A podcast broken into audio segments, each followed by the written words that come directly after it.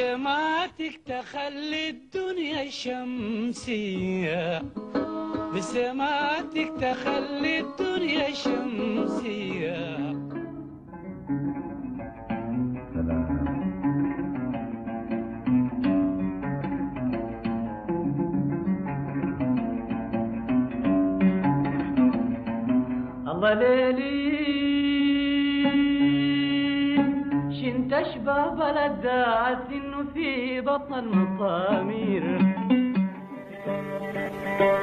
أنا حالي ضار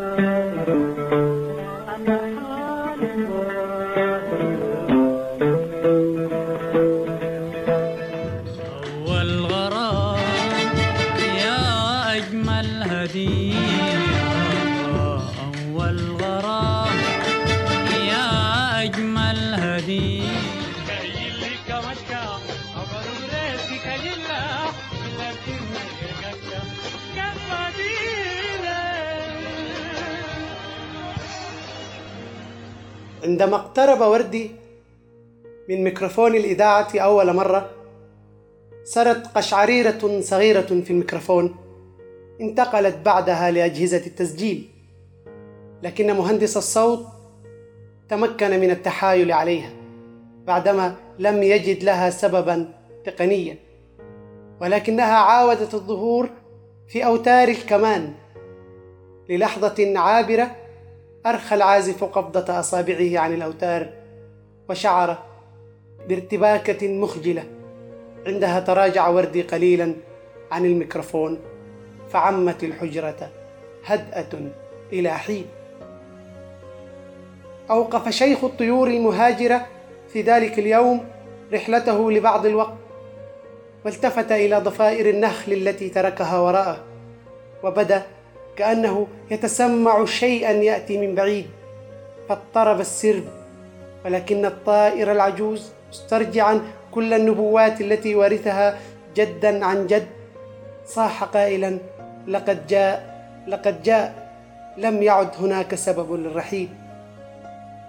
عندما اقترب وردي من ميكروفون الإذاعة أول مرة سقطت سجارة الضابط العسكري المهاب من بين أصابعه. تعجب. هل ترتعش يداي مثل سائر الناس؟ رفعها لكن يده ارتجفت مجددا وأسقطت السجاره حملها مرة أخرى بيده اليسرى ولكنها سقطت فوق حذائه اللامع. فركلها وتعكر مزاجه. صار كالنمر الهائج. تحسس مسدسه الصغير مرارا وأغلق الرادي بسرعة. سب ولعن وسرى الخبر خفيفا إلى الجنود. في الحامية. تضاحكوا لكنهم في قرارة أنفسهم. احسوا بأن شيئا غريبا يحدث هذا اليوم فبندقياتهم اليوم غريبة بين أيديهم كأنها تبدلت شيئا آخر وذهبت رائحة الحرب عن أنوفهم. واحسوا كأن عهدا جديدا يتخلق في أحشاء هذا اليوم عهدا ما أتى محمولا على صهوات دباباتهم. بل مرسوما على كراسات الموسيقى وسرت فيهم رغبة العودة إلى بيوتهم والشوق إلى نسائهم. كان منديل الحرير يحس بحب غامر يأتيه من يدي صاحبته تشغل نفسها به طول اليوم تعده من أجل حبيب بعيد يعرف جيدا دفء كفيها وتورد خديها. وذاق كثيرا شفتيها المغسولتين بماء الجمال.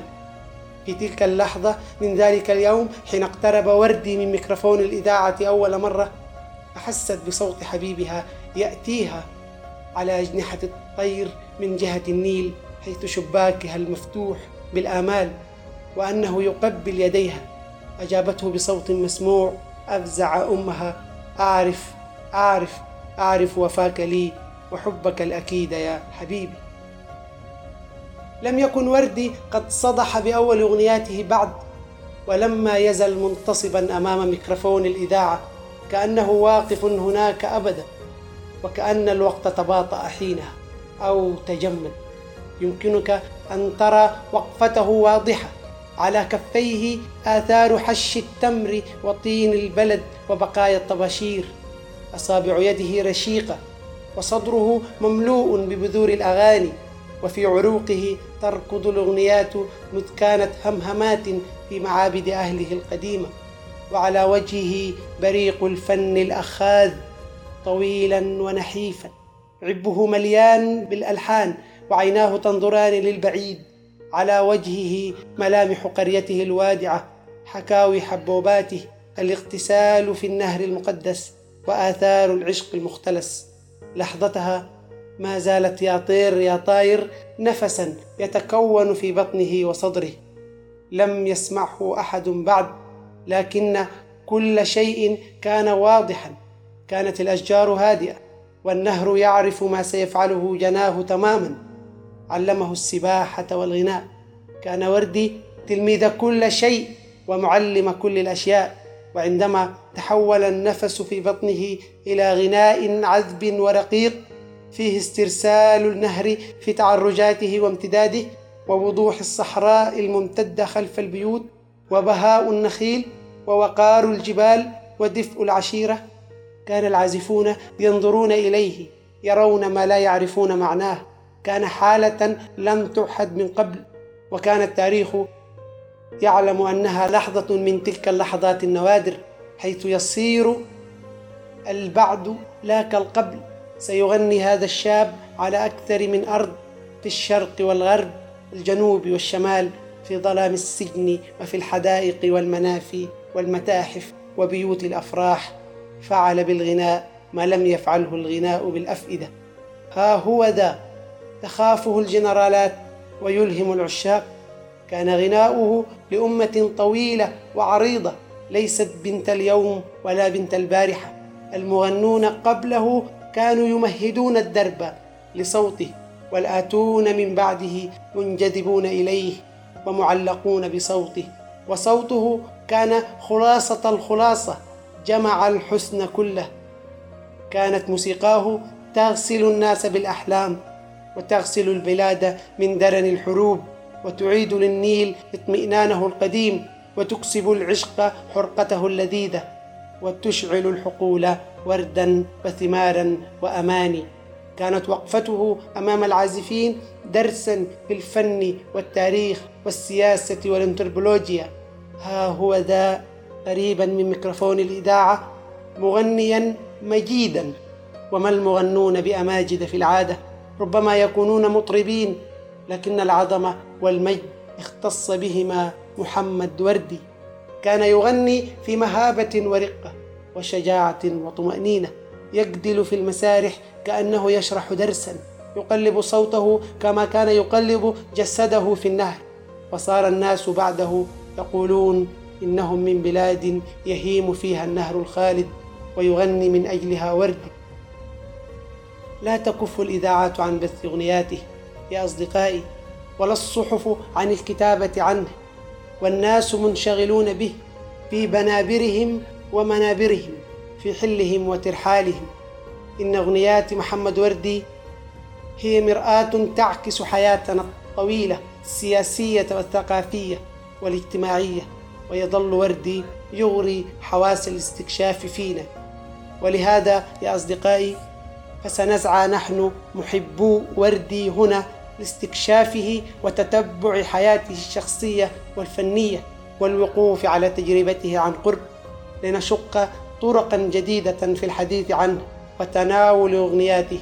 ليس بوصفه مطربا فقط بل مجددا عظيما وملهما وفنانا غير وجه الفن والموسيقى في السودان.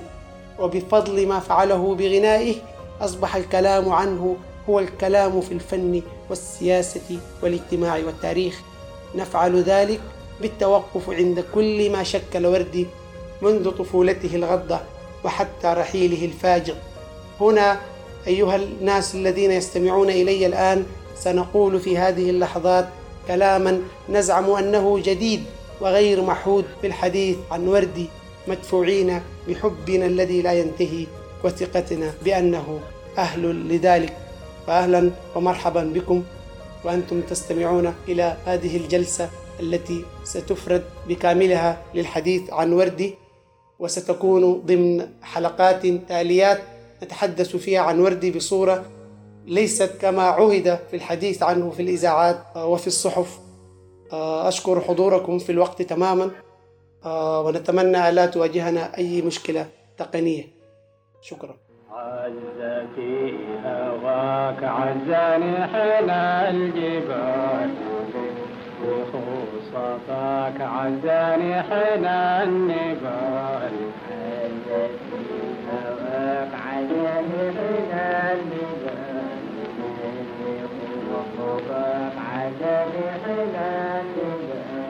عز ما سليت وطن الجمال. ولا تغير بديل غير الكمال.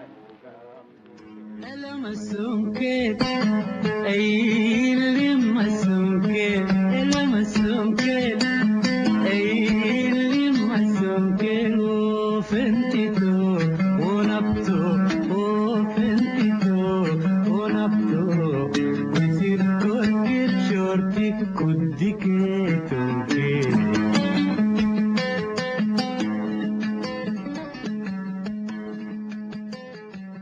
تسن مصد يا وردي. آه السلام عليكم كلكم. وردي زي ما كلنا عارفين من النوبة وابن النوبة و... وأحد أحد من أعظم حياة اللي قدمت النوبة. النوبة ديل ناس في عاشوا في بيئة صعبة جدا وقاسية جدا في مناطق شمال السودان. دارت حياتهم حول النيل. النيل وهون الحياة. وكل ال... كل حياتهم دارت حول النيل بدءا من الميلاد للموت كل طقوس عبورهم مربوطة بالنيل وتعلقهم بأرضهم خلى عندهم ارتباط ما طبيعي ب... ب... ب... بالحياة آه من البيئة دي ومن الناس ديل جوردي. آه دي منطقة بحكم علاقتها مع مصر والجوار الجوار الجغرافي ومصر تاريخيا من وقت طويل جدا. تعرضت لغزو زي ما كلنا عارفين أنه كل تقريبا الغزاة العظام في الدنيا مروا بمصر فتاريخيا هي مناطق بتاعة تبادل ثقافي. ده خلى الناس دي تتأثر وتأثر لكن برغم كل برغم كل الأشياء دي قدروا يحافظوا على لغتهم وعلى هوية ثقافية وحضارية مميزة جدا. وده انعكس في حياة وردي وفي فن وردي والورد اللي إحنا بنعرفه. آه أنا بخليكم مع بشير أبو سين يحدثنا عن ال Big Bang اللحظة الأولى بتاعت التفجر بتاعت التولد اللي خلت لنا آه والظروف اللي خلت وفي النهاية شكلت وصنعت العظيم محمد وردي الليلة كلنا اللي إحنا كلنا بنحبه. شكرا يا محمد عبد الرحمن وشكرا لصوتك الجميل وهو يأتينا من بعيد جدا يشق إلينا المحيطات. ولكن عند وردي تجتمع القلوب يعني. ربما سأقول معلومات معروفة للجميع ولكن نحن سننظر إليها بصورة مختلفة. كل ما سنذكره هنا أنا وأصدقائي عثمان الفكي وأيمن ومحمد عبد الرحمن هو أنه كيف هذه الأمور البسيطة التي تعرض لها وردي في حياته قبل أن يقف أمام ميكروفون الإذاعة كيف أثرت في شخصية وردي وفي سلوكه الغنائي وفي وكيف اتخذت مكانها في في اللوحة العظيمة التي صنعها وردي؟ وردي كما هو معروف للجميع آه، ولد في صواردة وهي إحدى مناطق السودان الحبيبة في أقصى الشمال آه، هي على نحو 180 كيلومتر آه، جنوب حلفا وبما إنه ذكرنا سيرة المكان فحنتذكر دائما إنه صواردة تقع على بعد خمسة كيلو متر من جزيرة صاي التي ولد فيها عبقري الغناء السوداني الذي يشارك محمد وردي وصنع له خلفية ثقافية ضخمة اللي هو خليل فرح. في هذه المنطقة صواردة ولد محمد وردي في بيئة منشغلة بالزراعة والرعي. وبقية الممارسات التي توجد في أغلبية المجتمعات التقليدية قبل الحديثة آه، ولد وردي في يوم الثلاثاء يوم 19 يوليو 1932 والتاريخ ده ربما هو يشابه أي تاريخ ولكن للذين يعرفون المجتمع السوداني ويعرفون تاريخ الثقافي للسودان فحيعرفوا تماما إنه ده إنه وردي بما إنه ولد يوم 19 يوليو 1932 هو ولد قبل 11 يوم من التأبين الضخم الذي أعد لوفاة خليل فرح. خليل فرح توفي يوم 20 يونيو 1932 20 6 1932 وردي ولد 19 يوليو 1932 هذا التاريخ يعني يعني كثير يعني للشعب السوداني والمجتمع السوداني.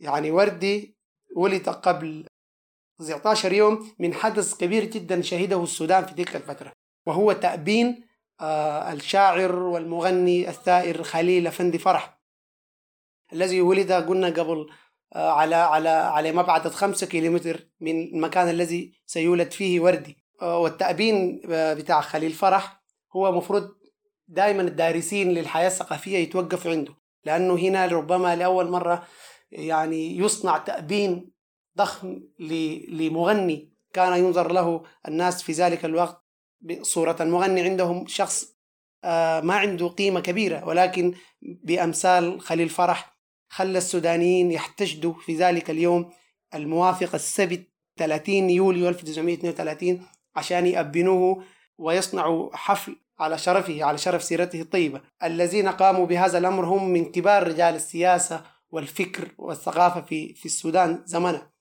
أشرف على الموضوع ده خضر حمد.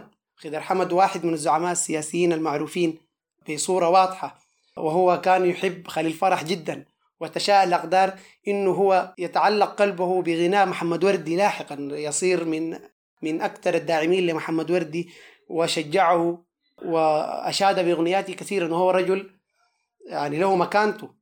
كذلك اليوم ذاك يعني آه، من الشخصيات الكبيرة جاء جاء محمد أحمد المحجوب وقال قصيدته المشهورة في في في رثاء خليل فرح في هذه الأيام كان الطفل محمد وردي مولود لوالده محمد عثمان حسن صالح حسن صالح وردي. ده اسم وردي كاملا يعني. ولكن صار معروف بوردي. ولد محمد وردي في الأيام ديك في الأيام التي شهدت رحيل خليل فرح بمعنى إنه أحد أنجم الغناء في, في الوقت ده كله اختفى. فأصبح مكانة عظيمة المغنين شاغرة جدا ولم يملاها إلا وردي.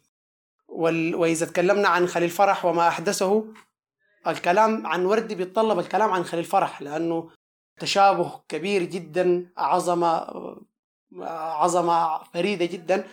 إحساس وردي لما جاء الإذاعة إنه ينتمي لهذه المنطقة التي جاء منها خليل فرح الشخص الذي أدخل الغناء السوداني في في مناطق ما كان متاح للغناء يدخل فيها. خليل فرح كان مراقب من قبل الأجهزة أجهزة الاستخبارات الاستعمارية في الوقت ذاك. وربما ده أثر في وردي جدا وشكل شخصيته. فيما بعد آه، استلهم محمد وردي كثير من حياة خليل فرح ومن ومن ومن قيمته الثقافية.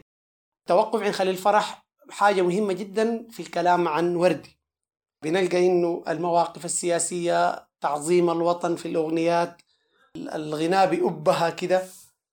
خليل فرح كان من, من سيرته إنه كان لا يغني إلا لخلصائه. يحكي عنه عرفات محمد عبد الله في في يوم تأبينه. وقال جزء من العبارات الخالدة اللي هي أنا ممكن أقتبس لكم مباشرة من من النعي حقه.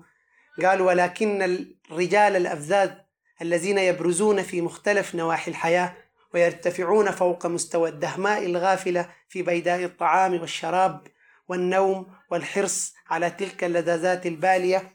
أقول إن من يمشي فوق هذا الجو المسموم الفاسد إلى الأجواء النقية الأثيرية حيث نجد الحب البريء الطاهر والوفاء والبذل بلا من ولا أذى حيث يحرق الرجال ذواتهم الفانية في سبيل فكرة سامية أو عقيدة راسخة أو هوى طاهر في سبيل بلادهم وقومهم في سبيل الحقيقة في سبيل الفن هناك في تلك الأجواء ترخص قيمة العيش في أنظار الرجال وتبدو المطامع الذاتية والمكاسب الدنيوية كأنها عظام دنسة تتخاطفها كلاب لا تقنع ولا تشبع.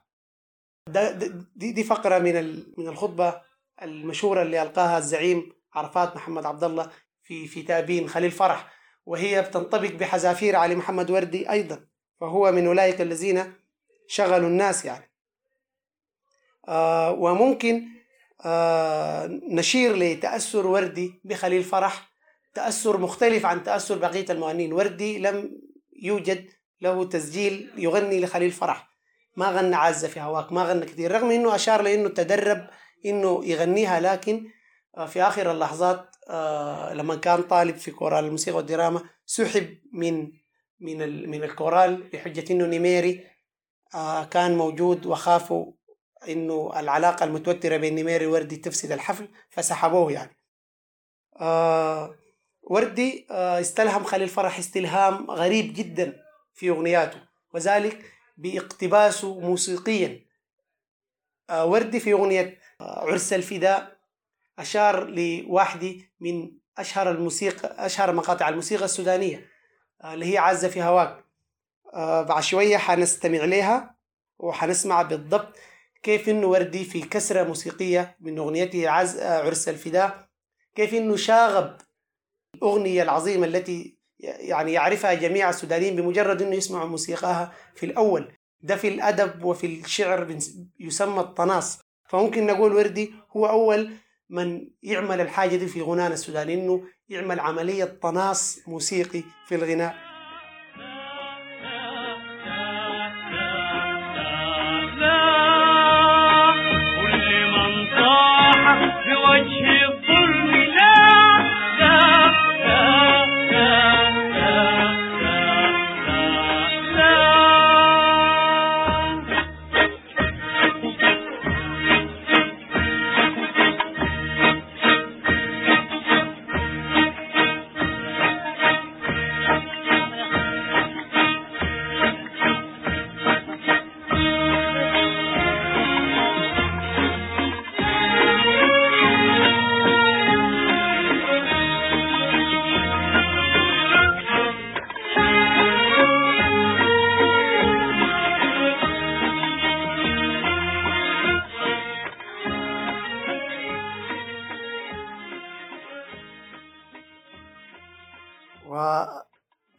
الذين يعرفون أغنية عزة في هواك يدركون هذه المشاغبة الجميلة التي قام بها وردي. فلما نتنقل من المقطع اللي بيقول فيه نذكر الآن جميع الشهداء عايز يدخل في المقطع الثاني آه، من قصيدة آه، الشاعر مبارك بشير عرس الفداء. آه، فيها الكلمات الأولى نحن أبناءك في الفرح الجميل نحن أبناءك في الحزن الجميل ونغني لك يا وطني مثلما غنى الخليل. فوردي توقف عند كلمة الخليل وحاول يشاغب خليل فرح بالموسيقى. في لثواني معينة بتجيك إحساس إنه هي دي حازة في هواك ولكن دي عبقرية وردي وتناوله لخليل فرح. نعود لوردي وذكرنا إنه هو ولد لأسرة سودانية مثل جميع الأسر السودانية الموجودة في الشمال. آه والده محمد عثمان حسن صالح وردي وأمه هي السيدة بتول بنت أحمد بدري اللي هي في الوقت ده كانت ابنة يعني بنت عمدة صواردة يعني. وربما تكون هي من من أهل خليل فرح لأنه عائلة بدري هي عائلة كبيرة جدا. ووردي أشار أكثر من مرة إنه آه، في علاقة أسرية بيناتهم. خليل فرح هو خليل فرح بدري كاشف خيري.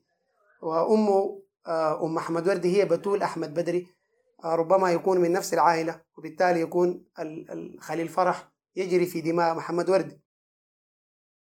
جد محمد وردي آه، اللي هو عمدة صوار ده يعني كان في الوقت ده قاضي شرعي.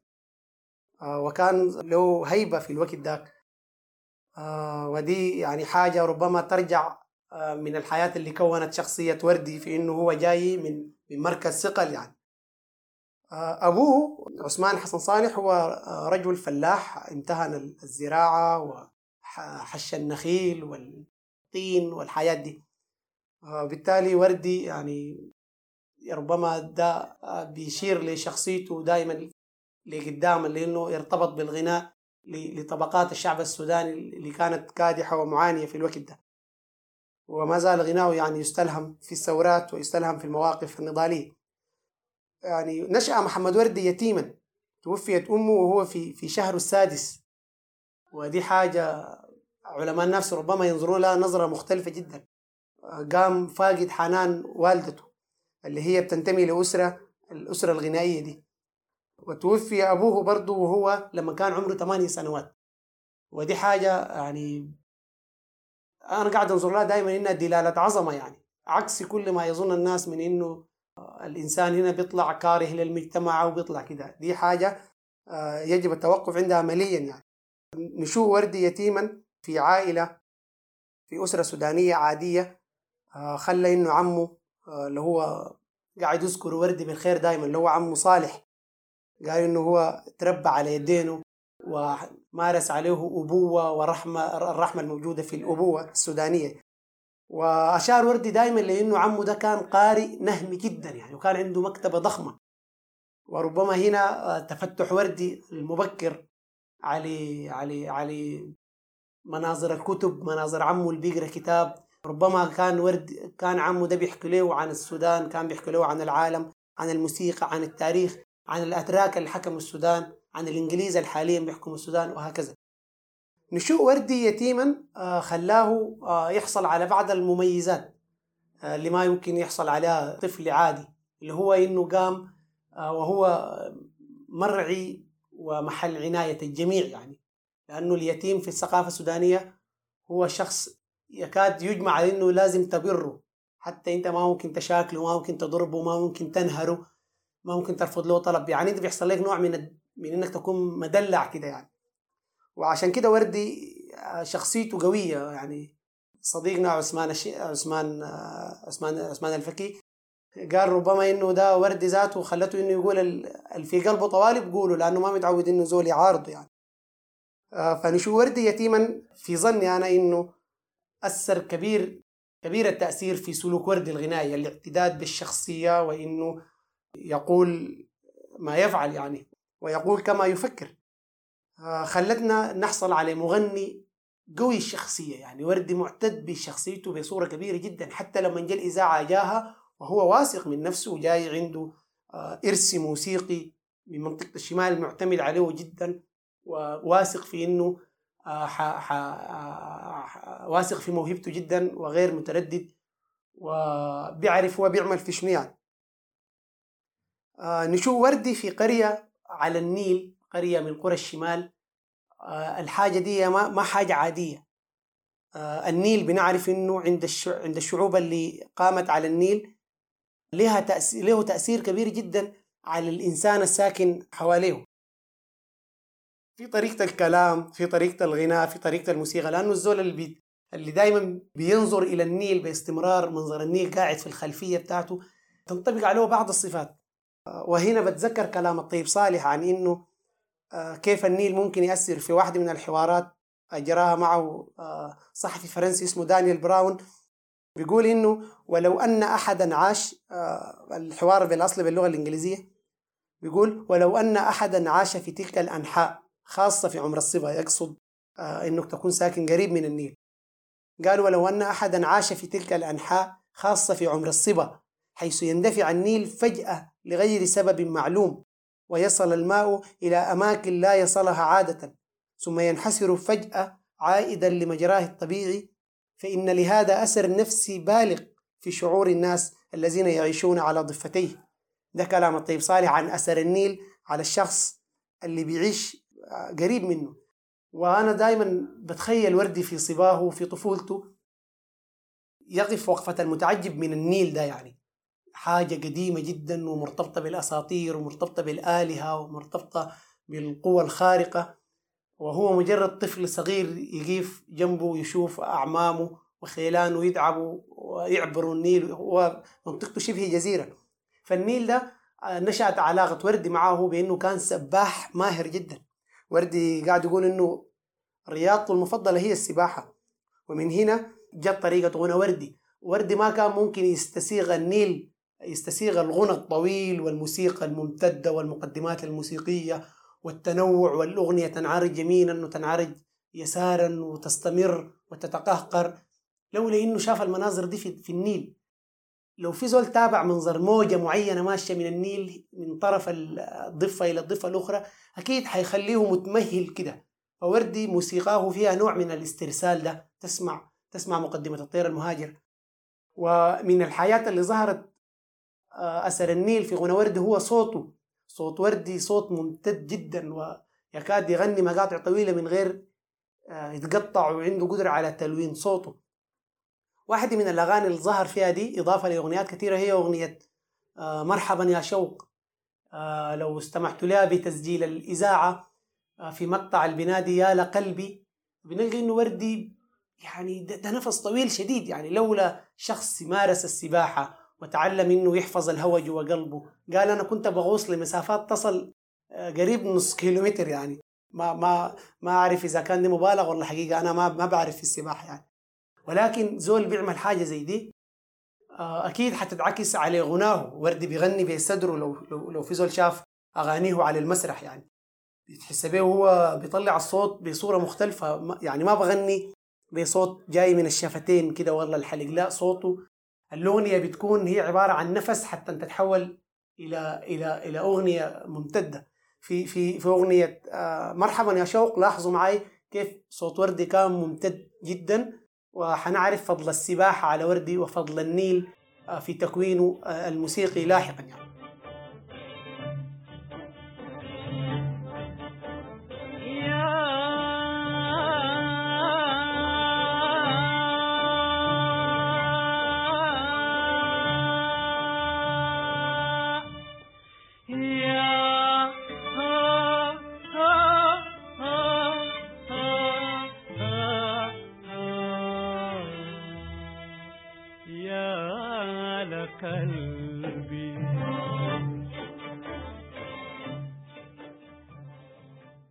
المقطع ده بالضبط كان أنا ممكن أختار مقاطع كثيرة في أغنيات زي الطير المهاجر أغنيات زي أسفاي وكلكم تتذكروا كيف إنه تنوع في تلحين كلمة أسفاي. وردي معجب جدا بحروف المد في الكلمات. يعني ربما الكلام عن كيف يلحن وردي أغنية ده ده ده مبحث براه كبير جدا. ولكن وردي ما فوت حرف مد يكاد ما فوت حرف مد في كلمة مغرية كده زي كلمة أسفاي والله يا لقلبي والله كلمة زي كلمة طال في أغنية آه، طير المهاجر طال بيه آه، طال بيه الحنين وفاض يعني حرف المد بيخلي آه، وردي مرتاح جدا في إنه يطبق ما تعلمه في بيئته وهو طفل في السباحة إنه يستثمره في في في غناه. لذلك وردي جاب ثقل كبير جدا جاي من منطقة استفاد من كل تفصيلة تعلمها في طفولته في إنه يطبقها آه فالسباحة وقربه من النيل أثر في مواقفه السياسية من من اقترابه من من الفئات العاملة وفي نفسه وفي في نفسه كمغني. كذلك وردي في طفولته آه اكتشف موهبته في إنه زول بيغني وربما أحسن أحسن أحسن دليل على الحاجة دي قصته مع عمه لما جاه وردي قال له ان أنا يا أخي ماشي الإذاعة أغني أسجل أغنيات في في الإذاعة. وردي قال له يعني عمه قال له يعني أنت ليه ليه عايز تبقى مغني يعني؟ أنت ليه ما عندك طموح تبقى رئيس وزراء؟ وربما أي زول في الدنيا داير يبقى رئيس وزراء يعني لكن قليلين من من اللي بيشوفوا نفسهم بيعرفوا في شنو بيحاولوا يعملوها. وردي رد له ببساطة قال لي يا عمي أنا ما أنا ما بنفع أكون رئيس وزراء. أنا زول غناي أنا بغني كويس. فدي ثقة في موهبته تكاد تكون منعدمة في بقية المغنين. هو عارف نفسه هو غناي وعارف نفسه هو حيعمل حاجة جديدة حتغير الغنى السوداني. ف... فموهبة وردي لاحظها بدري.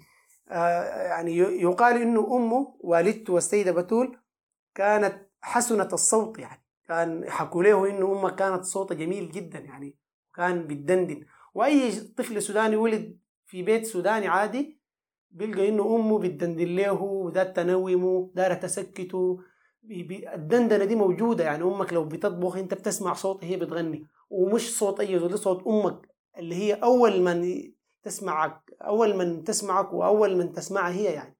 فالصوت ده بي- بيخلي مكان الغنى في نفسك آه عنده مكانة وبتلتفت للأصوات الجميلة وكده. فوردي آه إحساسه آه بإنه قام في بيت مثلا أمه كانت صوتها حسن وأهل أمه كلهم عرفوا بالغناء يعني. أهل أمه كلهم عرفوا بالغناء وخيلانه كانوا بغني وكانوا بيعزفوا الطنبور والطنبور موجود في بيت وردي. فبالتالي وردي اتلفت للغناء مبكرا جدا يعني. يقولون إنه جده حكى هو ذاته إنه جده آه أيام الأتراك. حصلت له حصل له يعني موقف كده مع واحد من الضباط الأتراك وحكم عليه بالسجن عايز يسجنه. فقال لي آه خلاص أنا بمشي معك لكن حيمشي يجيب الطنبور حقه. فدخل السجن وهو شايل الطنبور. وبنتكلم عن زول هو قاضي يعني قاضي شرعي وبنتكلم عن زول هو عمدة يعني. آه، ربما ده برضو جزء من من من عناد وردي. وردي يعتبر مغني عنيد جدا يعني. بالنسبة لوصايا الناس. ل...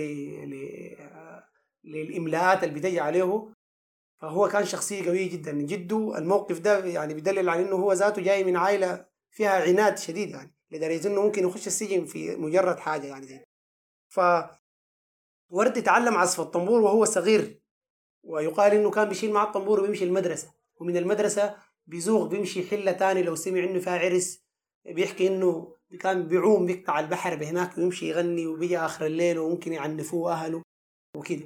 ف ف فتعلم وردي للطنبور بدري خلاه خلى قيمة الطنبور تكون مهمة جدا في غناه آه، سأعود لاحقا أثناء الحلقة أو في حلقات أخرى أو ربما النقطة دي حيتكلموا عنها أصحابي آه، هنا آه، عن عن عن الوردي والطنبور وكيف إنه كان يعتد بأنه هو عازف طنبور في المقام الأول. لاحقا وردي تعلم العود ولكن تخلى عن العزف بالعود في في مراحل معينة. وأصبح يغني أمام أوركسترا مكتملة يعني. تعلم وردي للعود آه، تعلم وردي للطنبور آه، بدأ طوالي في إنه يكتشف مواهبه الشعرية. وردي هو شاعر باللغة النوبية. وتخلى عن كتابة الشعر بعد أصبح يعني يعني عنده تجربة في إنه يكتب شعر بالعربي. ولكن هجر الموضوع ده وما كتب أغنيات لنفسه بالعربي. ولكن للأيام الأخيرة كان يكتب أغنياته النوبية بنفسه يعني.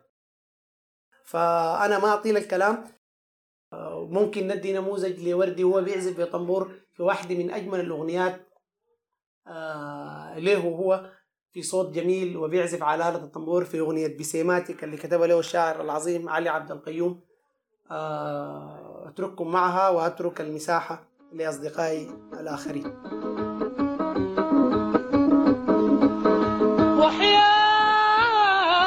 وحياتك بشم ريحة الجروف مغسولة بيت وهج القناديل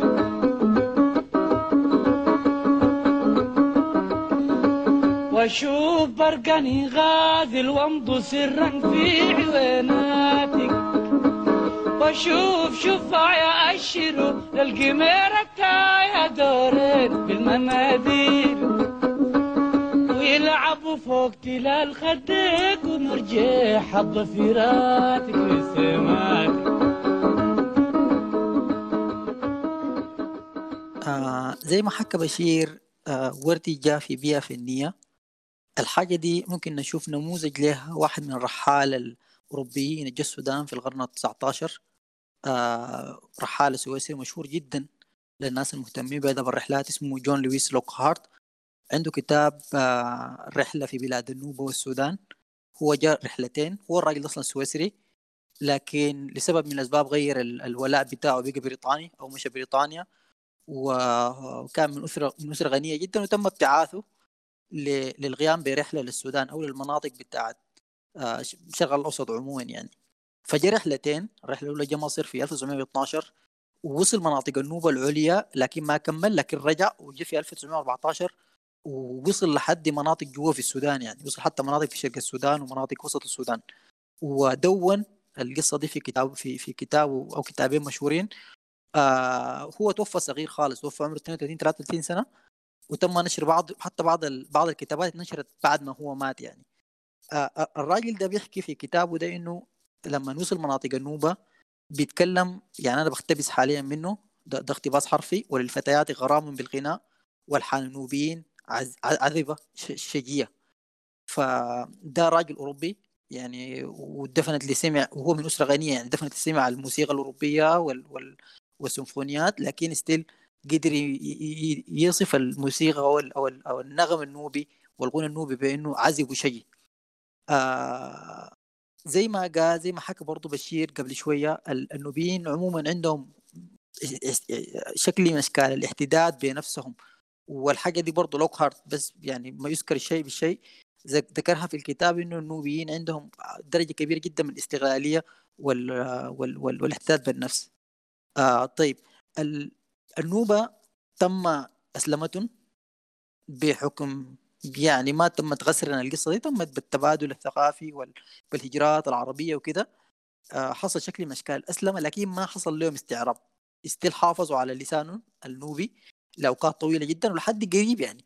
ويزوا النوبي ال- غالبا لو حبوباته مثلا ما عاش في المناطق الحضرية الكبيرة في الخرطوم وفي مدني وفي بورسودان حيكون متأكد أنا متأكد بيكون ما كانوا بيتكلموا عربي أو بيعرفوا عربي بل كاد يعرفوا عربي ما للصلاة وللتواصل الحد الادنى بتاع التواصل. آه فكان بيتم اكتساب اللغة العربية غالبا لل- لل- لل- للناس.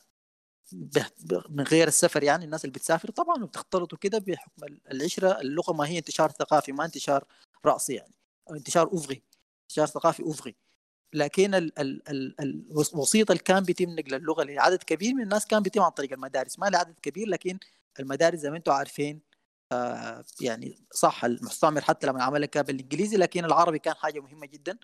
آه وهي أصلا ما كان الدخول فيها لاي المدرسة كان بيدخل الزول المحظوظ جدا جدا.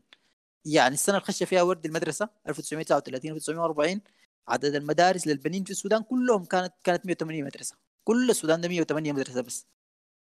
فيها حدود أقل من 16000 طالب 15000 طالب وشويه ده كل السودان يا إخوان. ده دي, دي المدارس الابتدائية. المدارس اللي ال- ال- اللي هي كان الوقت داك في مدرسة ابتدائية أو كتاب ووسطى وثانوي ال- الوسطى دي كان فيها حدود بضع 20 مدرسة. ففرصة إنك تدخل المدرسة لازم أسرة يكون عندها وضع معين. غالبا كانوا بيدخلوا أولاد العمد والمشايخ الكبار والناس عندهم شكل يعني هم أغنياء بشكل من الأشكال يعني. فوردي كان محظوظ ودخل المدرسة وده ظاهر في غناه إنه مخارج حروفه سليمة يعني إنه تعرب تعلم عربي في فترة لاحقة من حياته يعني. طبعا إضافة لإنه كان مشى مصر هو صغير كم مرة ف... ف... فعشان كده الاكتساب للغة تم بدري فلغته كويسة. آه وال- والغنى أصلا مربوط بحركة المجتمع. يعني هو هو وعاء للثقافة ول- لفكر الناس والتجاذبات. كل الأشياء مع بعض هي بتظهر في شكل الغنى يعني.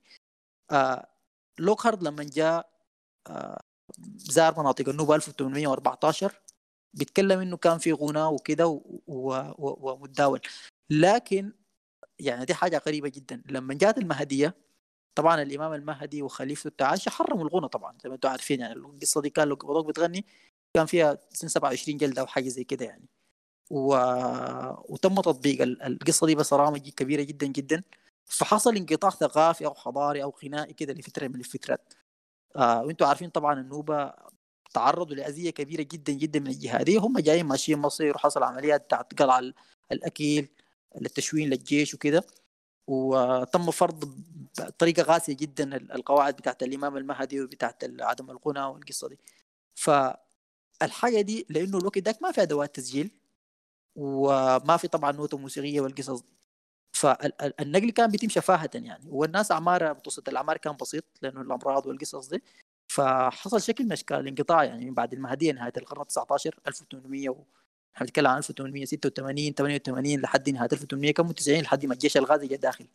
لما جاء الجيش الغازي داخل وتم إسقاط الدولة المهدية الدولة الوطنية آه لاحقا يعني القصة دي تواصلت يعني تواصل الشكل بتاع الكبت للغ- لل- للغنى وتحريم الغنى لدرجة إنه بقى ما في فنانين. يعني الحياة كان بيتم حكيها ومتوارث عن الذاكرة الشعبية إنه في قنا وكده اختفت يعني. آه لحد ما لاحقا حصل نقلة كبيرة جدا عملها واحد مشهور فنان نوبي مشهور جدا اسمه دهب خليل. واسم دهب ده يكاد يكون ما ما موجود إلا عند النوبة يعني. النوبة هم بسموا دهب خليل يعني. هو ده كان راجل ضرير وعمل إيقاع معروف باسمه. هسه حاليا اسمه إيقاع ذهبية منسوب له بالطنبور. والراجل ده كان شاب وعمل نقلة ما طبيعية في المنطقة في الغنى. يعني عمل إعادة إحياء للغنى. زمان تاريخيا الحاجة المتوارثه شعبيا ذاكرة الناس. الغنى بتاع النوبة هو عنده ثلاث أربع أنماط. في شكل بتاع نمط بتاع غنى زي مجاعده عشيرية. بيكون آه اثنين بيتجادوا بالشعر زي شغل زي شغلة الدوبيت المناظرة بتاعت الشعر المناظرة الشعرية دي. وبيكون في شعر شاعر مفرد يعني واحد كده بس بيقول زي القصيده العمودية دي. القصيدة العمودية بالعربي دي. وبعد ذاك النمط الثالث المشهور الغنى بالطنبور. والطنبور ذاته هو كآلة متواجد من وقت طويل جدا. هي ذاتها كآلة متنازع فيها يعني. يعني ال- الأغارقة ال- اليونانيين بيقولوا إن هي الطنبور الموجود حقنا ده منحدر من آلة من آلاتنا الموسيقية. العراقيين والناس الموجودين المنطقة اللي هي زمان كانت ما بين النهرين يعني في وقت قبل آلاف السنوات بيقولوا إنه الآلة دي تم اختراعها هناك في المنطقة دي. وجات لمنطقة وادي النيل للسودان ولمصر. بحكم التداخل. يعني ما هي ما, ما والسودانيين بيزعموا بعض السودانيين بيزعموا إنه الآلة دي موجودة عندهم من آلاف السنوات وتم اختراعها عندهم. على أي حال آه لوكهارت في في في رحلته المشهورة دي آه قال شاف طنبور ورسمه في كتاب رسم الرسمة بتاعته. أنا بس ما قدام كمبيوتر كان آه، رفعت لكم الصورة بتاعته ممكن أرفعها لكم هسه حاليا. الرسمه بتاعت الطنبور هو نفس الطنبور الحالي اللي هو بخمسه أوتار الأوتار الخمسة. ونفس شكله الحالي ده يعني.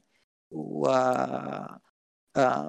لحد لحد الوقت ذاك لحد ما ظهروا ناس ذهب ولالا والجماعة ديل وبدأ القصة دي بدأت ترجع. الغنى بتاع الطنبور لما بدأ يرجع ناس محمد ناس ذهب والمجموعة دي كان بيتغنى في شكل غنى جماعي. بيكون حلقة دائرية الرجال والنساء مع بعض الكبار والصغار بيكون في شكل كان في قدر كبير جدا من الحرية في الغنى الجماعي ده. ودي كان واحدة من الحتات اللي بيكون فيها حرية كبيرة لأنه لما حصل الانقطاع في الغنى والشكل من أشكال الكبت الديني والحاجات دي لما بدأت تحصل برضه بدأ يحصل فصل في المجتمع بين الذكور والإناث. ال- اللي هو الحاجة دي زمان في فترات سابقة ما كان موجودة بحكم الزراعة وبحكم البيوت بدات تصل حتى في نمط العمارة ودي قصة تانية طويلة يعني. آه على أي حال آه النمط بتاع بتاع الغنى بتاع الطنبور ده وبقية الأنماط المجادعه الشعرية وال- والفنان المفرد بيغني حتى من غير طنبور في شكل صفقة أو بطارة أو بغيره. من زمان من وقت مبكر جدا الفنان النوبي عشان يعتبروك فنان نوبي لازم تعمل ثلاث حاجات مع بعض. لازم تكتب تكون شاعر وتلحن كلامك ده تنغمه وتأديه. أنت لو ما بتعمل الثلاث حاجات دي تكون شاعر وم- وملحن ومغني ما بيعتبروك أصلا فنان نوبي. والحاجة دي انعكست في وردي اللي هو معظم أغانيه لحنها هو وكتب جزء من الأغاني ولحن. وفي جزء كبير من الناس ما فاهمين القصة دي بيفتكروا إنه ده وردي ده تعالي شكل من التعالي بتاعت وردي. أو هو عنده مشكلة بتاعت عدم تعاون وعدم مقدرة على التعاون مع الاخرين وده ما سليم. دي بس بترجع لل- لل- للهوية الحضارية والثقافية جاي منها وردي يعني ما أكثر من كده يعني. وده قصور من الناس إنها تحاول تفهم إنه وردي ده جاي من ياتو مكان يعني. وليه يتشكل بالطريقة دي يعني. آه، وقتها بعد الفترة بتاعت المهدية وظهر الغنى بتاع الطنابرة الغنى اللي بيتغنى بالحلق آه المجموع وجزء من الغنى ده ما يتطور في أم درمان ولا في العاصمة. العاصمة بعد ذاك اللي بقت الخرطوم أو ام درمان الكبرى أو الخرطوم الكبرى. يتطور في في في مناطق تانية زي كبوشيه بسبب الكبت بتاع المهدية يعني. لأن المهدية كان موجودة في المركز ويدها بعض شط بالطول لكن في المناطق البعيدة القصة دي صعبة شوية يعني. فكان في قدر من الحرية بحكم إنه هم بعيدين من المركز يعني.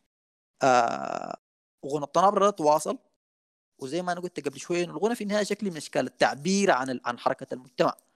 المجتمع حصل فيه حركة كبيرة جدا بتاع تغيير كبيرة بعد الغزو. آه جاء الطبقة بتاعت شباب بقى عندهم شكل مختلف من الشعر وبالتالي الحاجة دي هم بيقوا دارين يحجزوا الحاجة دي ودارين يسيدوا الساحة يعني. وبضغط أو بجهد وبمكابسه ومجابدة من ثلاثة من من, من الناس ال- ال- الشعراء الكبار شيوخنا الكبار الشيخ العبادي والشيخ أبو صلاح والشيخ ود الرضي. الجماعة ديل هم عملوا المدرسة ال- ال- بتاعت الغنى الأولى لها. أول غنى حديث بتاعنا في السودان عملوا الثلاثة ديل. آه، أو هم كانوا المؤسسين بتاعينه الأوائل.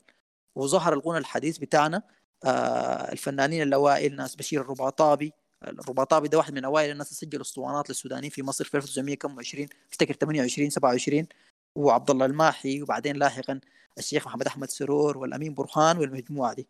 ديل قدروا يحسموا المعركة تماما ضد الطنابرة وده بقى شكل الغنى المنقول في في في المكان يعني. لحد ما لاحقا الأمور مشت وجات المدارس الوترية الحديثة وجات الإذاعة وحصل التغييرات الثانية لما يحصل دائما تغيير مجتمعي بيحصل تغيير في شكل الغنى. آه أنا بخليكم مع مع شيخنا عثمان. يحكي لكم عن عن عن ورد الفنان والغنى كيف أثروا في بعض كيف تأثر به وكيف بقى ورد الفنان ب ب ب بال- بالحاجة اللي كان سائدة في وقتها والنقلة اللي هو قدر يعملها. آه اتفضل يا عثمان. يا عز الناس حليلك وانت حاضن العود تغني. وقلبي سارح في الغناوي الطالعة منك وشيلة مني. عندك انت الفن رسالة تزرع الأيام تمني. يا حبيب كل الغلابة غبت وين الليلة عني؟ غبت يا الطير المهاجر وإنت لابس الشوك حراير. غبت ما شفناك بتشرب من عسل إحساسنا زاير.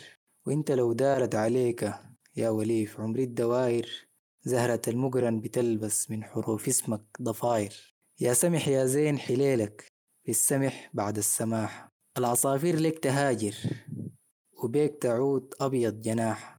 الجراحة اللي في قلوبنا بالنغم داويت جراحة. ومنك اتعلمنا نغزل من دموعنا النازلة. واحة نحن ما بنمسك دموعنا. لما نسمع لو بهمسة. أما نور العين غرامنا ماله لو أهدتنا لمسة. أنت يا ورد المشاعر يا اليقين يا البكيت للموجة مرسى. كيف يقولوا عليك مفارق وأنت عايش فينا لسه؟ من ضمن الموضوعات التي سأتحدث عنها شكل الغناء في الولاية الشمالية.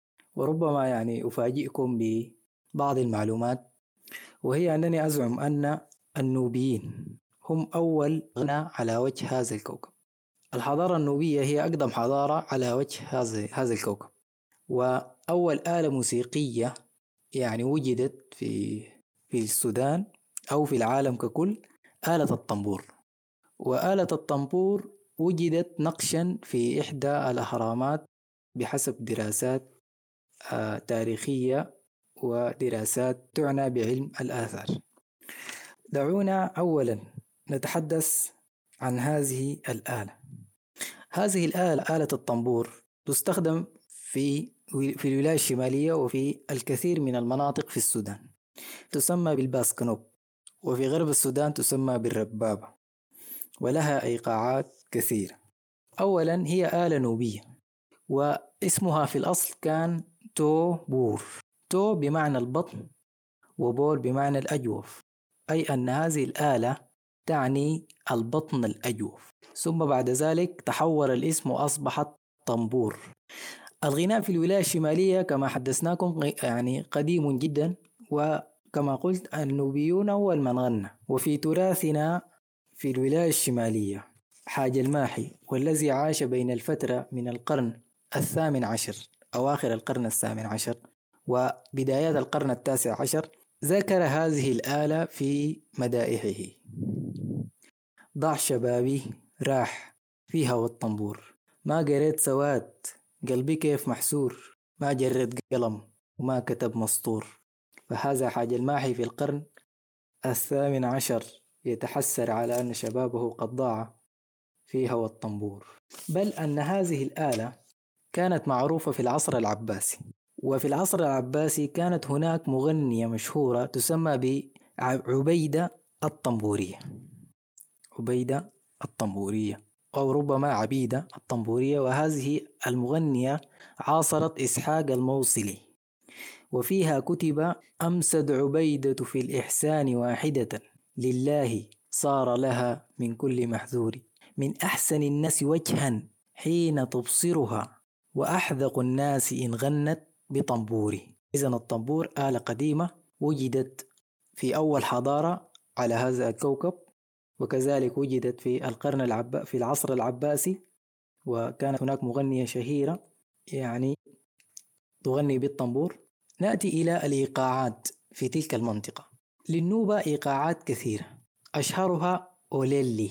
وهذا الإيقاع أوليلي استخدمه فناننا محمد وردي في أغنية القمر بوبا. أغنية القمر بوبا استخدم وردي فيها هذا الإيقاع ويزعم الأستاذ ميرغني ديشاب أن أغنية القمر بوبا كتبت بواسطة أربعة شعراء. وبعض هذه الإيقاعات النوبية كإيقاع أوليلي وفشي وشيري استثمرها الموسيقار حمزة علاء الدين. وغزا بها أوروبا وأمريكا. شكل الغناء في الولاية الشمالية.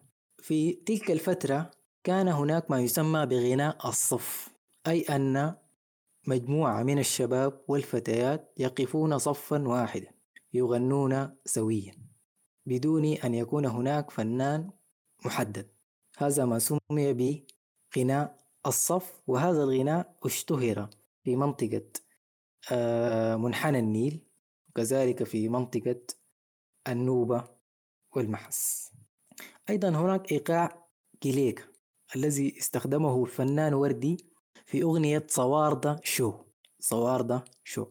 وهذا الإيقاع أيضا يستخدم عند الضناقلة وهو مأخوذ من كلمة نوبية تعني زئير الأسد. كذلك من أنواع الغناء في تلك الفترة. غناء الرواويس.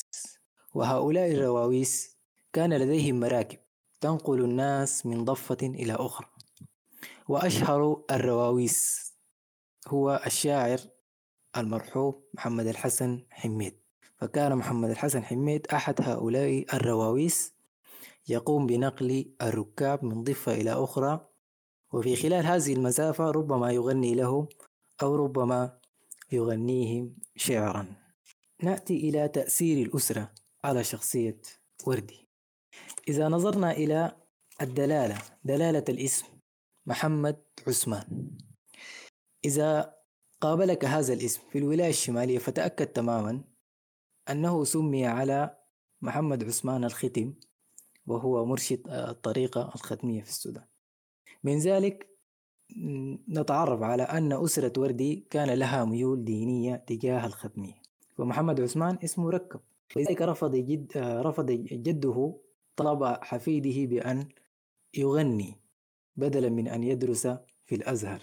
رغم هذه الميول الدينية إلا أن وردي تأثر بأخواله فأخواله كانوا طنابرة وكان صوتهم جميلا وكذلك صوت أمه التي لم يرها وهي تحسر أنه لم يرى صوت أمه لأنه لأن أمه بنت العمدة ويفترض أن يكون لها صورة ويتحسر على هذه الجزئية.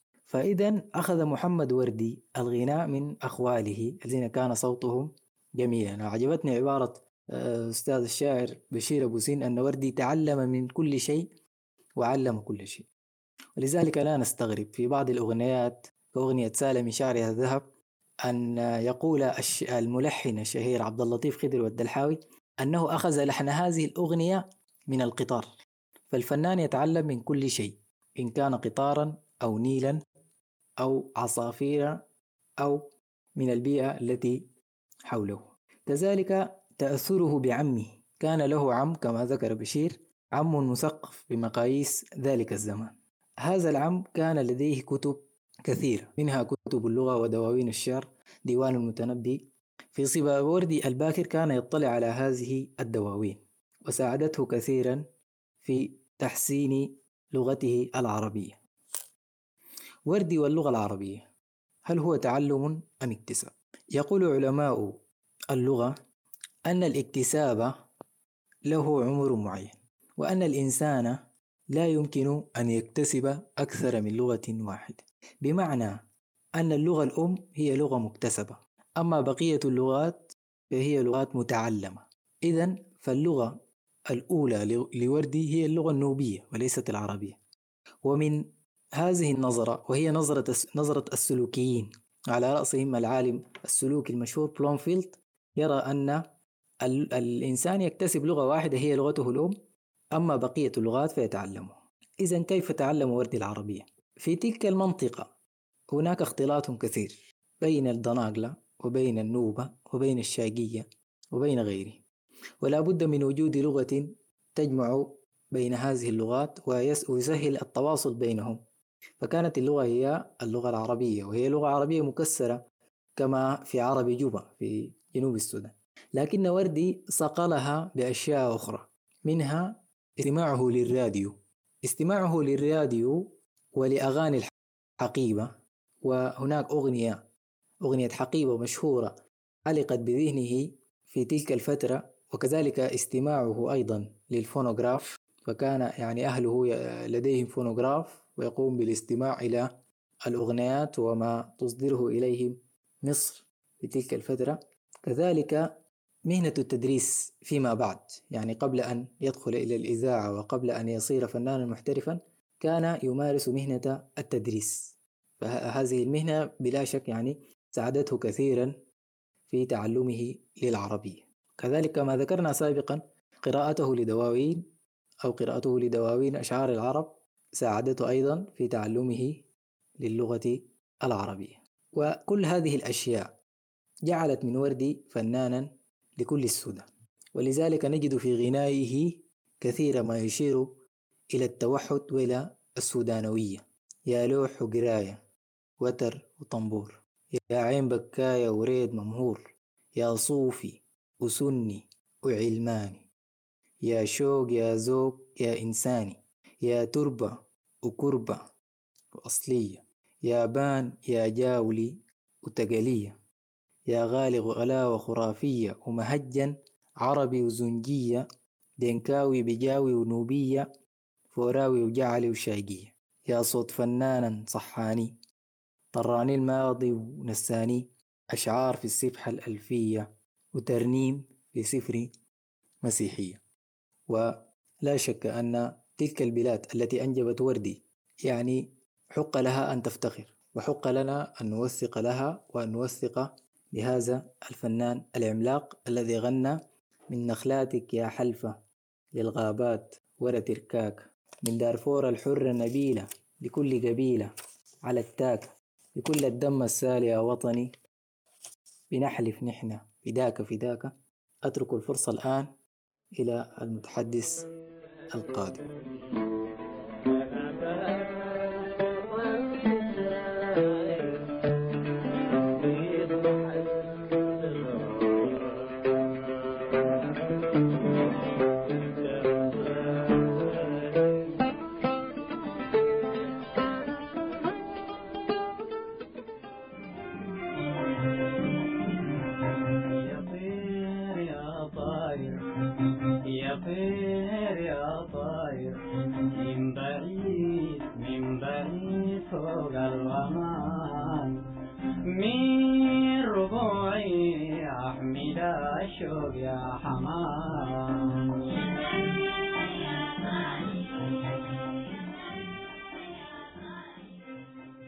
الإذاعة وما أدراك ما الإذاعة.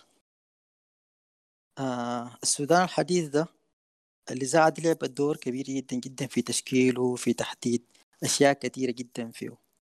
إذاعتنا دي جات إذاعة أم درمان الحالية دي اللي هي بقت اسمها بعدين الإذاعة السودانية اسمها الأول كان إذاعة أم درمان جات استجابة للحرب العالمية الثانية.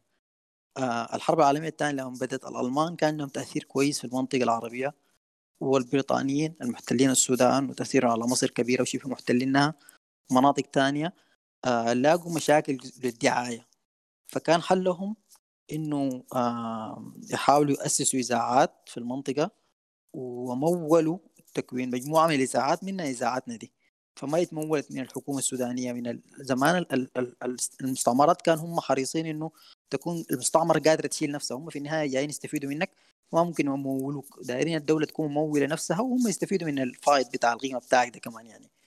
آه على أي حال آه تم الموافقة عليها وبدت في 1940 بعد ما قدموا الطلب بأسابيع انطلقت في مايو 1940 آه بدأت طبعا بداية متواضعة جدا. الناس ما عندها أصلا راديو. والوقت ذاك الراديوهات الصغيرة بتاعت الترانزستور دي ما كان لسه الترانزستور ما كان اخترعوا ذاته. في الراديوهات الضخمة بتشتغل بال valves دي لو شفتوا صورتها يعني. آه تم تسليم الملف لدور عطية الماسي مكتب الاتصالات وموظف عند السكرتير الإداري واحد من الثلاثة المسؤولين الكبار تحت الحاكم العام هو الإداري وال... وال- والسكرتير القضائي والسكرتير المالي. وبدت في الأول عشان يحلوا مشكلة إنه الناس ما عندها أجهزة راديو كانوا بيشيلوا ميكروفونات يعني ميكروفونات كبيرة بيحطوها في الساحات العامة في العاصمة لأنه أصلا في الأول البث بتاعها كان محدود جغرافيا. وهي بتبث في الأسبوع مرة أو مرتين حاجة بتاعت نص ساعة. في الأول بدأت 15 دقيقة أو 20 دقيقة وصلت نص ساعة. بعدين بدوا يزيدوا المدة شوية تدريجيا لكل يوم. آه، كان فتره المسائية من الساعة 6 ل 6 ونص. بتبدأ بداية متواضعة. بعد ذاك هي بدأت تزيد يعني لحد ما بقت بعد ذاك جزء كبير من اليوم بعد ذاك بقت اليوم كله يعني. آه، بعد الحرب العالمية لما انتهت ال ال ال الإدارة بتاعت المستعمرات في في في بريطانيا وقفت التمويل باعتبار إنه خلاص الحوجة انتفت لل- لل- للإذاعة. آه، فمجموعة من المثقفين السودانيين أخذوا بعضهم ومشوا للسكرتير الإداري ويعني إنه يحاولوا يمولوها تمويل داخلي من الحكومة السودانية. وفي النهاية الحمد لله هو وافق وواصلت الإذاعة. آه، تدريجيا من 1940 بداية لحد نص الخمسينات كان بيحصل كل شوية تقدم. لحد ما نص الخمسينات قدروا يعملوا نقلة كبيرة جابوا جهاز إرسال كبير وبقت بتصل للأرياف. يعني الأرياف بيقدروا يلتقطوا الراديو. وتم توزيع راديوهات في في الحواضر بتاعت الأغاليم المختلفة بحيث إنه على الأقل يكون الناس متابعة الأخبار وعارفة. الراديو بدايته التقليدية كان بيذيعوا قرآن بعدين بيذيعوا شكل من اشكال الابتهالات الدينية والمديح. بعد ذاك بيكون في الأخبار. الفترة الأولى بتاعت الحرب كلها كان التركيز كله على على الدعاية الحربية. لكن تدريجيا بدوا يضيفوا الغنى و- وهنا ده اللي بيهمنا في ال في ال في, في الونسة دي يعني. آه لما الإذاعة جات السودانيين اللي قاعدين في مناطق مختلفة والسودان ده بلد كبير وواسع الناس بدأت تسمع أشكال مختلفة من الغنى. الناس اللي قاعدين في غرب السودان بيجوا يسمعوا غنى بتاع الشمال بيجوا يسمعوا الغنى بتاع الشرق بيجوا يسمعوا الغنى بتاع الوسط ذاته اللي هي المدرسة بتاعت اندرمان دي الغنى بتاع اندرمان اللي تشكل كل الحياة دي انصهرت في شكل الأغنية الاندرمانيه دي. آه فالبرنامج ال- ال- ال- ال- اللي هو كان بيسمح للبقية يغنوا فيه ناس المركز الناس اللي ما ناس المركز ناس الهامش. السودان ده كله هامش باستثناء 3 كيلو كده من من السنتر. آه سموه الغنى الشعبي. وعملوا لهم برنامج بتاع ربع السودان ده أو حاجة بالشكل ده. وكان بيجوا الناس ال- ال- الغنى بتاع اللي هو غير الغنى بتاع درمان ده بيسمعوا صوتهم يعني. ووردي ذاته ظهر ضمن ضمن الحاجة دي. الاذاعه عليه كانت شكلت وجدان الناس لأنه لعبت دور خطير جدا جدا. الناس ديل كونوا حاجة اسمها لجنة النصوص وهم بيجيزوا الغنى كلمات ولحن وشعر وكله وغنى. ولو ما دي جازوا القصة دي انت ما بتستمع. يعني دار تصل للسودانيين البوابة الوحيدة اللي بتمر بها هي الاذاعه ما في بوابة ثانية الأسطوانات محدودة جدا بيكون في فونوغرافات في ال- في القهاوي الكبيرة والناس الغني أغنياء جدا عندهم فونوغراف يقدروا يشتروا أسطوانات لكن عامة الناس ما في. فعشان كده الاذاعه بقى أي زول داير يوصل صوته للسودانيين بيجي الإذاعة السودانية وبيخضع على القواعد بتاعت الإذاعة السودانية والرتب المختلفة وهم عملوا درجات للفنانين. أنت بتجي بتخش من الدرجة الأولى الدرجة الرابعة آخر درجة أقل درجة في السلم وبتتطور حسب تطورك وحسب كذبك وحسب حب الناس لك واعجابهم بيك بتترقى. كل ما ترقيت فرصة انه الناس يسمعوك بتزيد. يعني مثلا الفنان بتاع الدرجة الأخيرة مثلا ممكن تزعل اغنيه مرة في الشهر. الدرجة الأولى مثلا ممكن تزعل له أربعة أو خمسة أو ستة أغاني في الشهر يعني. ف... ف... فأنت من مصلحتك إنك تطور أدائك وتكون بتنتج بصورة مستمرة لأنه وانس إنك وقفت ممكن درجتك يا إما تنزل يا إما ما يبدأ يذيعوا عليك أصلا يعني. آه أنا حخلي لكم أيمن أمين يحكي لكم عن الإذاعة ووردي كيف وصل الإذاعة و...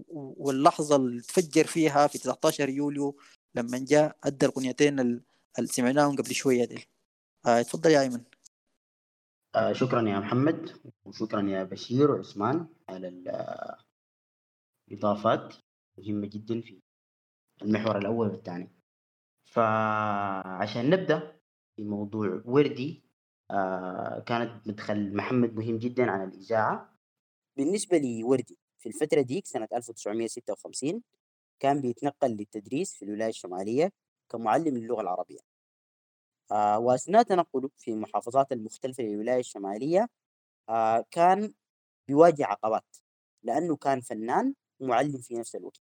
فالمعلم في القرية كان يعتبر إمام الجامع المعلم يعتبر المصلح الاجتماعي المعلم بيعتبر من كبار الأجاويد في القرى. فكان لما إنه يكون بيملك عود ويغني ويلحن دي مشكلة.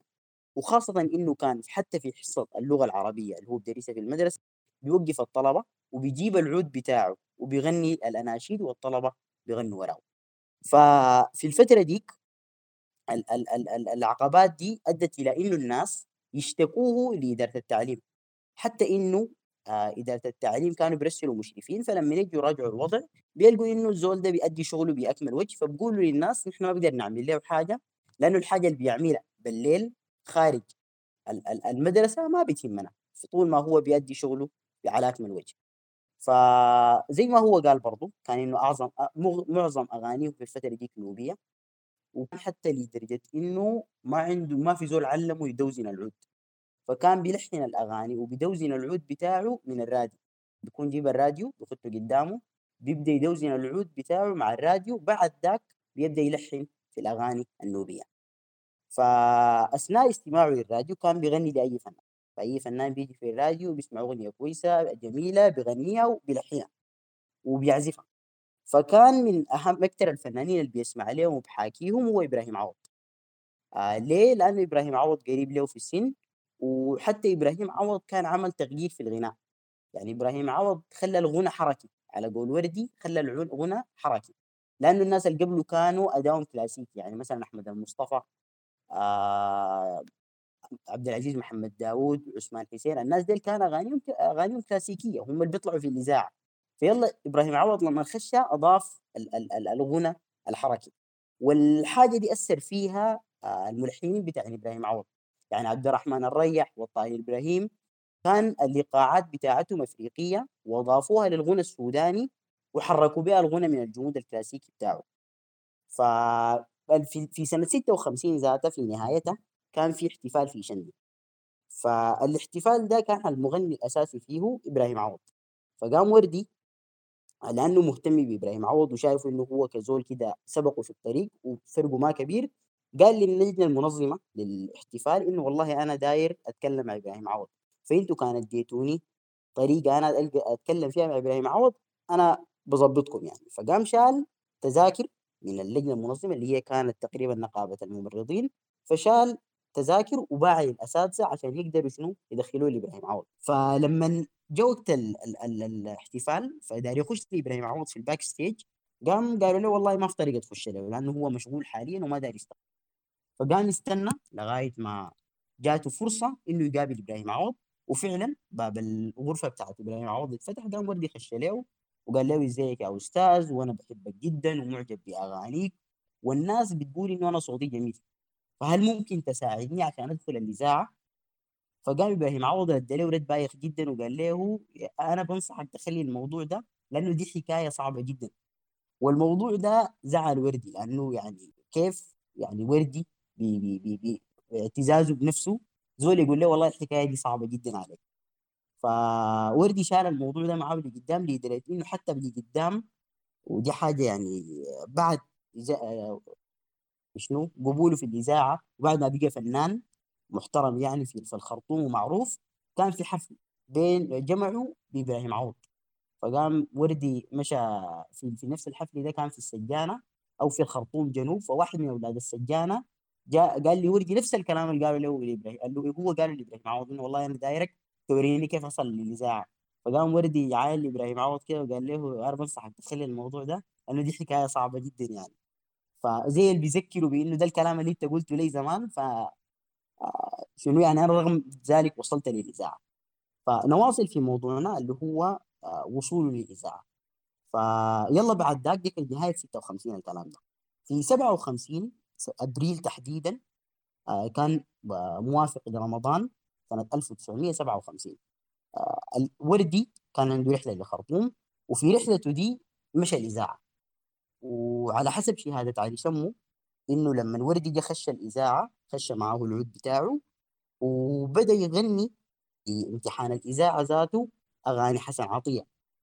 وأول أغنية غناها للجنه كانت حنين مجافي عنيد وللأسف الشديد يعني حاولت ألقى تسجيل الأغنية دي بوردي حتى لو تسجيل قاعدة وما لقيت. والأغنية الثانية اللي غناها كانت هل تدري يا نعسان أنا طرفي ساهر؟ جسمي اضمحل بغرامك وأنت زاهر. دي كان شغلوها في قبل شوية يعني في المدخل بتاع الفقرة دي. وبرضه واصل في تقديم الأغاني النوبية وكان يعني غنى للجنة نص ساعة. فاستحسنوا صوته جدا وناس اللجنة ديل أصروا إنه وجدي يستقر في الخرطوم. قام وردي يعني في الوقت ذاك هو معلم في الولاية الشمالية فقال لهم والله أنا ما بقدر أنه أنا قاعد أتنقل بين المدارس في المحافظة وما بقدر أجي الخرطوم. ومن الصعوبة جدا إنه ينقلوك من الخرطوم من. يعني الولايات للخرطوم في الزمن ذاك فقام مدير الإذاعة أصر على إنه وردي آه، يتنقل للخرطوم وقال له إحنا بنكلم لك وزير الحكومات المحلية يتصرف فعلى قول وردي يعني على مقولته ز- ب- بعظمة لسانه يعني إنه الإذاعة شحدتني عشان أنا أغني لها فناس الإذاعة المهم اتكلموا مع محمد نور الدين اللي هو كان الوقت ذاك آه، وزير الحكومات المحلية هو حلفاوي من الولاية الشمالية يعني فقام لأنه معجب ب- ب- كان معجب بخليل فرح وشايف إنه في فقد عظيم للغناء النوبي في الإذاعة وشايف إنه كان وردي ممكن يكون يعني أحد المهمين في الغناء فقام أصر على إنه شنو وردي آه، يتنقل للخرطوم فكان يتواصل مع مفتش التعليم. في في الزمن ذاك وقال له لازم تنقل وردي للولاية للخرطوم عشان شنو؟ عشان وردي يجي يغني في الإذاعة فمفتش التعليم اللي هو كان آه، حسن نجيل الزمن ذاك قال لي وزير الحكومات المحلية والله إنه ما في طريقة ننقل وردي. أكيد ممكن ننقل مثلا حصحيصة أي حتة قريبة لأنه شنو؟ ما متوفرة لنا مدارس خالية في الخرطوم. فقام يعني الوزير قال له يعني الكلام ده ما بينفع يا حسن نجي إحنا دايرين ولد يغني في الخرطوم. فيتصرف. ففعلا يتصرفوا وفتحوا مدرسة جديدة في الديوم ووردي نزل في المدرسة دي كمعلم للغة العربية وهنا قدر ينتقل إلى الخرطوم. طيب بعد انتقال وردي للخرطوم زي ما قلنا الكلام ده كله كان في 2000 1957 وردي انتقل للخرطوم وبقى فيها معلم وفي واحدة من ال ال ال الأعراس في الخرطوم هنا كان الفنان في العرس هو رمضان زايد وردي مشى العرس وفي العرس ده كان إسماعيل حسن موجود. قام رمضان زايد عرف وردي بإسماعيل حسن وأثنى عليه. لقاءنا كان آه، صدفة وزي كان كل واحد يفتش على الثاني. نحن الاثنين طبعا رياضة والواحد لقى شيء في الآخر صدفة كان في حفلة بتذكر في الخرطوم اثنين عند واحد اسمه مين أمير كده. قام وردي يعني لما مشى يحكي لإسماعيل حسن إنه والله أنا جيت الخرطوم وداير أحترف في الغناء وكده إسماعيل حسن قال له أساسا أنا مستنيك لأنه ناس الإذاعة كلموني إنه في فنان نوبي جا الخرطوم. فكان إسماعيل حسن مستني وردي يجي فكانت زي ال ال ال ال ال ال كأنه الطريق كان ممهد لوردي إنه يجي. كل حاجة كانت جاية مظبوطة وجاهزة إنه وردي يخش الإذاعة ويلتقي بإسماعيل حسن. المهم ذاكينا أنا لسه لسه ما غنيت لا في إذاعة لا في أي شيء. يا دوب في الساعة أنا جاي ليش عارف تعرفوني به انه ده اسمه الحسن تعرفنا الليلة ديك هو سمع مني اغاني الربان ما كنت عند أي اغنيه عربيه وكان اللقاء. بعد ذاك استمرينا بجدية شديدة جدا. آه، كانما الواحد كان يبحث عن الواحد. وكان المسيرة الطويلة آه، بدأت ذيك بدأت كعلاقة فنية. بقت علاقة عائلية. للآن. فبعد ما التقى بإسماعيل حسن و- وأعجبه صوته قام إسماعيل حسن عرف وردي بخليل أحمد. لأنه الوقت ذاك وردي كان بيلحن أغاني نوبية فقط لا غير وما كان عنده خبرة في تلحين الأغاني العربية. فقام عرفه بخليل أحمد اللي هو ملحن مشهور في الزمن ذاك و- وبدأ يكتب له أول أغنية سجلها وردي في الإذاعة اللي هي أغنية الحب والورود. اللي مدخلها بيقول يا طير يا طاير من بعيد فوق الغمام من من ربوعي أحمل الشوق يا حمام. فدي كانت إذانا ببداية إحدى أعظم ثنائيات الغناء في تاريخ السودان الحديث. وفي ال ال ال ال ال مع الأغنية دي ذاتها سجلوا آه إسماعيل حسن عرب أغنية اسمها الليلة يا سمرة وهي أغنية نوبية في الأصل وردي يغناها لإسماعيل حسن قام إسماعيل حسن بناء على لحنها النوبي عرب الأغنية وعدلوا في اللحن بتاعها مع خليل أحمد. فالأغنيتين ديل لما مشى وردي سجلهم سجلهم في الإذاعة في يوم 19 يوليو اللي هو تاريخ ميلاده سنة 1957 الوقت داك وردي عمره 25 سنة. فنختم الحلقة دي والسرد بتاعنا في التاريخ ده. اللي هو إنه وردي بقى عمره 25 سنة وإنه دخل الإذاعة وسجل فيها أول أغنية. آه شكرا لاستماعكم. وحاليا حنفتح الباب للمداخلات. آه إذا في واحد من الشباب عنده أي مداخلة ممكن يضيفها. آه، السلام عليكم مرة ثانية. سعيد جدا بأنه آه، الحلقة جابت كل محبي ورد يعني. آه، هنا يعني. هل أنا مسموع يا عمرو؟ آه، الحلقة كانت في المقام الأول هي آه، مخصصة ل... ل... هي حتكون ضمن حلقة البداية لمجموعة حلقات آه، متابعة آه، حتكون عن مشروع وردي الضخم آه، اللي امتد من سنة 57 إلى أواخر أيامه في آه، 2000 و 2012 آه، بالتالي خصصنا الحلقة دي بالضبط لأنها تكون عن آه، كل العوامل الاجتماعية والثقافية والنفسية اللي حصلت لوردي قبل قبل وقوفه أمام ميكروفون الإذاعة وشكلت آه، حياة وردي فيما بعد بصفته مغني من المغنيين الكبار. من الحاجات اللي توقفنا عندها هو علاقة يعني مجيء وردي من من منطقة الشمال بتراثها النوبي الع- ال- العميق وال- والقديم جدا. القصد ما كان تبيين إنه وردي هو كان نوبي أو تمييزه على بقية المناطق لكل منطقة خصوصيتها ولكل مكان عبقريته كما يقال.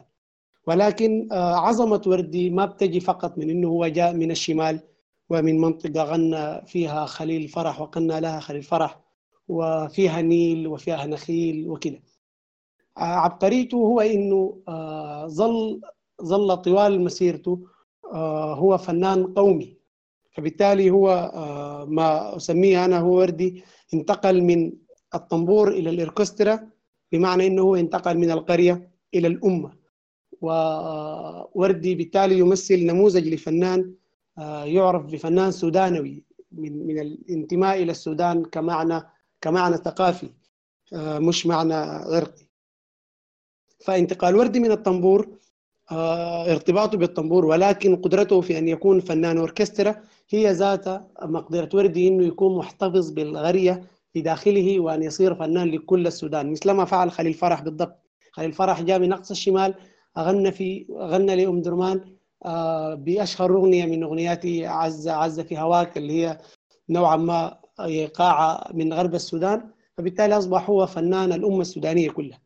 فمجيء وردي عبقريته ليس إنه هو جاء من منطقة الشمال إنما عبقريته إنه هو تحول من فنان إقليم أو من فنان إثنية في الوطن الكبير السودان إلى فنان السودان جميعه ويهمنا في الأمر ده إنه أخذ كل المقيمات الثقافية واستعملها في أغنية الاغنيه الوطنية الكبيرة. فبالتالي هو استفاد من الطنبور في لقدام وأبرز قيمته. من إنه كأنه بيقول لنا إنه السودان ما بيجي لو نحن آه، اتخلينا عن ما يكون السودان. فأنت بتجي بكامل قريتك بكامل ما تجسدت فيك آه، بمعناه الثقافي آه، إلى البلد الكبير اللي هو السودان. فبالتالي بعد ما جاء وردي هو غنى لبقية الإيقاعات غنى المردوم وغنى ل- استعمل آه، الموسيقى بتاعت الذكر الصوفي واستفاد من التناغم الصوتي كما قال هو في أغنيات الجنوب وفي الطريقة اللي بيغني بها الجنوبيين في جنوب السودان. آه، كذلك من النقاط المهمة جدا اللي حصلت لوردي ما قبل الإذاعة واستفاد منها في وردي ما بعد الإذاعة هو مروره بمرحلة أنه يكون مدرس. آه برضو المدرس آه زيه زي مهن كثيرة امتهنوها بقية الفنانين. ولكن ممكن نقول أنه آه ممارسة وردي للتدريس أضافت له في غنائه فيما بعد. أضافت له واحدة من من أكثر الصفات اللي ظلت لصيقة بوردي وهي صفة آه إنه فنان مسرح آه فنان مسرح بمعنى إنه وردي في بداياته الباكرة بعد انضمامه إلى الطبقة الأولى من المغنين بعد مرور ال... بعد مروره من ال... من الإذاعة زي ما تكلم أيمن. تخلى عن الغناء ب... بحمل العود يعني ليه؟ لأنه قال إنه الغناء. بالعود بقيده في مكان واحد ويخلي يدينه مشغولات بالأوتار وبالتالي حيجيب في نقطة واحدة وهو لأنه مرحلة التدريس بتخليك تتحرك لأنه وردي إذا كان انتقل من الطنبور إلى الأوركسترا بمعنى إنه انتقل من القرية إلى الأمة فهو انتقل من مرحلة المدرس المغني إلى المغني المدرس آه ممكن ما أعرف إذا العبارة دي قالها هو أو قال أحد عنه إنه وردي هجر التدريس في الفصول عشان يدرس بالمسارح يعني. من فصل صغير بيلم ما يقارب العشرين طالب إلى أنه يدرس عبر الإذاعة أمة طويلة وعريضة يعني تمتد تمتد في مساحة جغرافية واسعة وشعوب مختلفة. فوردي انتقل من التدريس إلى من التدريس بالطواشير والتدريس بالكتاب إلى التدريس بالغناء وبالشعر. فبالتالي هو استفاد جدا من مرحلة إنه كان مغني إنه كان مدرس من حيث أدوات غناء وبعدين بقى هو فنان بتاع مسرح فنان بيستعمل يدينه فنان بيشير بيدينه فنان بيتحرك في المسرح بصورة واضحة جدا بيستعمل لغة الجسد فنان بيقدر يشير للعازفين أثناء ما هو بغني يدينه حرات في الحركة دي استفاد منها. الفائده الثانية هو انه ممارسته للتدريس خلته يجيه إحساس كبير بالوعي وبانتقائه للمفردات لاحقا وما يكون عنده مشكلة في في تمييزه للشعر. بعض المغنيين بيكون عنده موهبة عظيمة جدا لكن ما, بيحسن اختيار الشعر. آه لأنه ذائقته الفنية آه ما ممكن يعني ما ما ما منفتحة على آه تدقيق المعاني والإحساس بموسيقية الألفاظ وهكذا.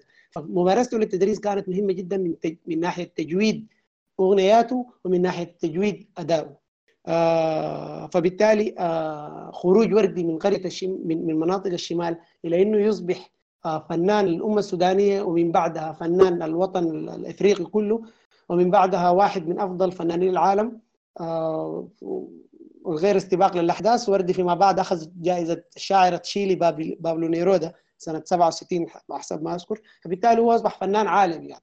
فعبقرية وردي ليس في انه جاء من منطقة الشمال بالضبط آه ولكن من إنه تحول من إنه يكون فنان منقلق على أهله فقط يغني بالنوبي إلى فنان يغني أعظم قصائد الفصحى والقصائد آه القصائد الحداثية الكبيرة. آه بالضبط أشير ثاني إنه الحلقة دي هي فقط متعلقة بمرحلة صغيره جدا من مرحلة من مرحلة من مراحل وردي. في الحلقات الجاية حنتكلم بتفصيل أكثر عن بعض المواضيع. أشكر الشباب اللي كانوا معي هنا واشكرهم على حسن الاستماع. وأشوف لو في زول عنده مداخلة. آه مساء الخير عليكم جميعا. وحضرة ما تنسى كالعادة يعني طالما في حضرة الرائع صاحب الوجد والمشروع البكر.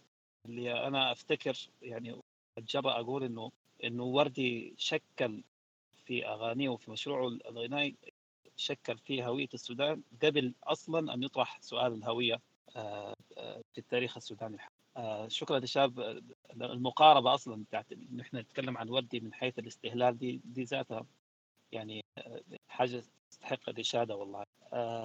أنا كالعادة شغال محور قشاش يعني. في بس كم نقطة أحب إنه أنا أكد عليها أو أو أو الون فيها بشكل أو بآخر. أنا ممكن أنا حبدا حبدا حبدا بيوم إعلان وفاة وردي الله يرحمه. إنه في نفس اليوم اللي أعلن فيه وفاة وردي وكان بانتظار جثمانه هنا في الرياض كان من معارفنا يعني كان في عقد زواج لناس من من عبري وصوارده فكان كان كان يعني شعور غريب خالص إنه الواحد يعني خاش بيت عزا وعرس في نفس في نفس اللحظة. المشاعر المضاربة اللي كان بيقدر برضه وردي هو اللي كان بيوشح فيها. يمكن يمكن يعني أجمل أغانيه اللي, اللي غناها وردي واللي بقت في الذاكرة بتكون هي شغالة ديالكتيك ما بين الاثنين أو مراوحة ما بين الشجن في الوجدان الحزين وما بين البحث عن عن فواقع الفرحة أو قواقعها داخل تيار الحزن. يعني أنا أنا أتذكر إن أنا كنت قاعد أحضر الكلام ده وسبحان الله بس تذكرت أغنية اسفاي اللي غناها ورد. يعني هو لما كان آه، كان بيقول يا دناي آه، بتنكد وتوسد وسادة شوق آه، بنوم مرتاح وخالي البال. وتاني وتاني عهد السبايا عشان ما تبكي ببكي أنا. وحاكي الطرفة في نص الخريف بكاي طولي تهف جبال الشيف خاي- خايف خايف العذاب الريد ومتوكل عليك يا الله دافع الريد. بالضبط كان المشاعر ال- ال- الغريبة في في, ال- في الوقت ذاك آه، لأنه لأنه لأنه إحنا كنا ماشيين عقد بتاع الزواج. ومن حيث لا ندري جينا نتكلم في حضرة وردي مع ناس من أصدقاء طفولته كانوا موجودين معنا في نفس ال- في نفس الجلسة. فكان كان ال ال ال ال الونسة عن وردي أشبه ما بتكون يا هالونسة اللي هسه قاعدين نتكلم فيها دي. آه، وكانت حاجة يعني يعني من ألطاف الله يعني. ما ما كان بيد واحد أصلا إنه إنه إنه إنه يت- يتكلم يتكلم يعني أنا قصدي إنه حتى إنه يجهز حاجة زي دي يعني. فكان آه، يعني أنا بتذكر في في في نفس ال- ال- ال- المسار بتاع بتاع النشأة والمنشأ وورد الأستاذ هو يعني دخلت وسالته كان كم واحد وفجأة اكتشفت إنه إنه اللي بيحكي لي وبيتكلم معي ده كان صديق طفولتي بالذات في المرحلة الابتدائية والمتوسطة لحد ما ما فارق وردي يعني. يعني كان حاجة حاجة مخيفة إنه الزول ده كان بيتكلم وبيحكي لما الوردي كان بيرجع البلد وبعد ده يعني كان كان بيبكي وإحنا كنا بنبكي معاه يعني آه، ال- ال- ال- ال- ال- الجزئية اللي أنا عايز أقولها واللي أنا مهتم إن أنا أقولها في موضوع المشروع الثقافي اللي قام به وردي آه، زي ما قال حبيبنا بشير انه انه إنه وردي تماهى مع الموجود النوبي آه، والمكون النوبي كثقافة تماهى مع النيل وتماهى مع الأرض آه، وتماهى مع علاقة الإنسان القديمة والمجذبة بالأرض وده اللي كون يعني ده, ده أهم عمود آه، يعني أسس عليه وردي وردي مشروعه. لكن فوق ده كله يعني أنا قصدي فوق للنيل وفوق للأرض اللغة النوبية هي ذات نيل واللغة النوبية هي ذات أرض. اللغة النوبية نفسها هي هي ذات ثقافة هي هي هي ذاتها آه، جناح بتاع بتاع حراك تاريخي أصلا. آه، ال- ال- ال- الحاجة دي آه، لو لو بحاول أبسطها إنه إنه أنا بقول إنه طبعا تاريخيا النو- النوبة منقسمه إلى ثلاث أقسام هي النوبة ال- ال- العليا والوسطى والسفلى بجهة الدلتا يعني ما بين الحد المصري الحدود الحديثه ال- ما بين مصر والسودان. طبعا بنمشي شمالا بيجوا ال- ال- ال- يا هو ال- ال- ال- طيب okay. طيب آه، آه، يعني بنبدأ وإحنا متجهين شمالا مع مع مع انعطاف النيل بيجي التواجد اللي هو الضماغله مثلا آه، بعديها آه، آه، المحس والسكوت بعدين الحلفة وطبعا عبري هو هو هو قسمة ال- الازدواج انه كان يعني اتولد وتوجد فيها وردي. بعد ده حنمشي على الحدود المصرية.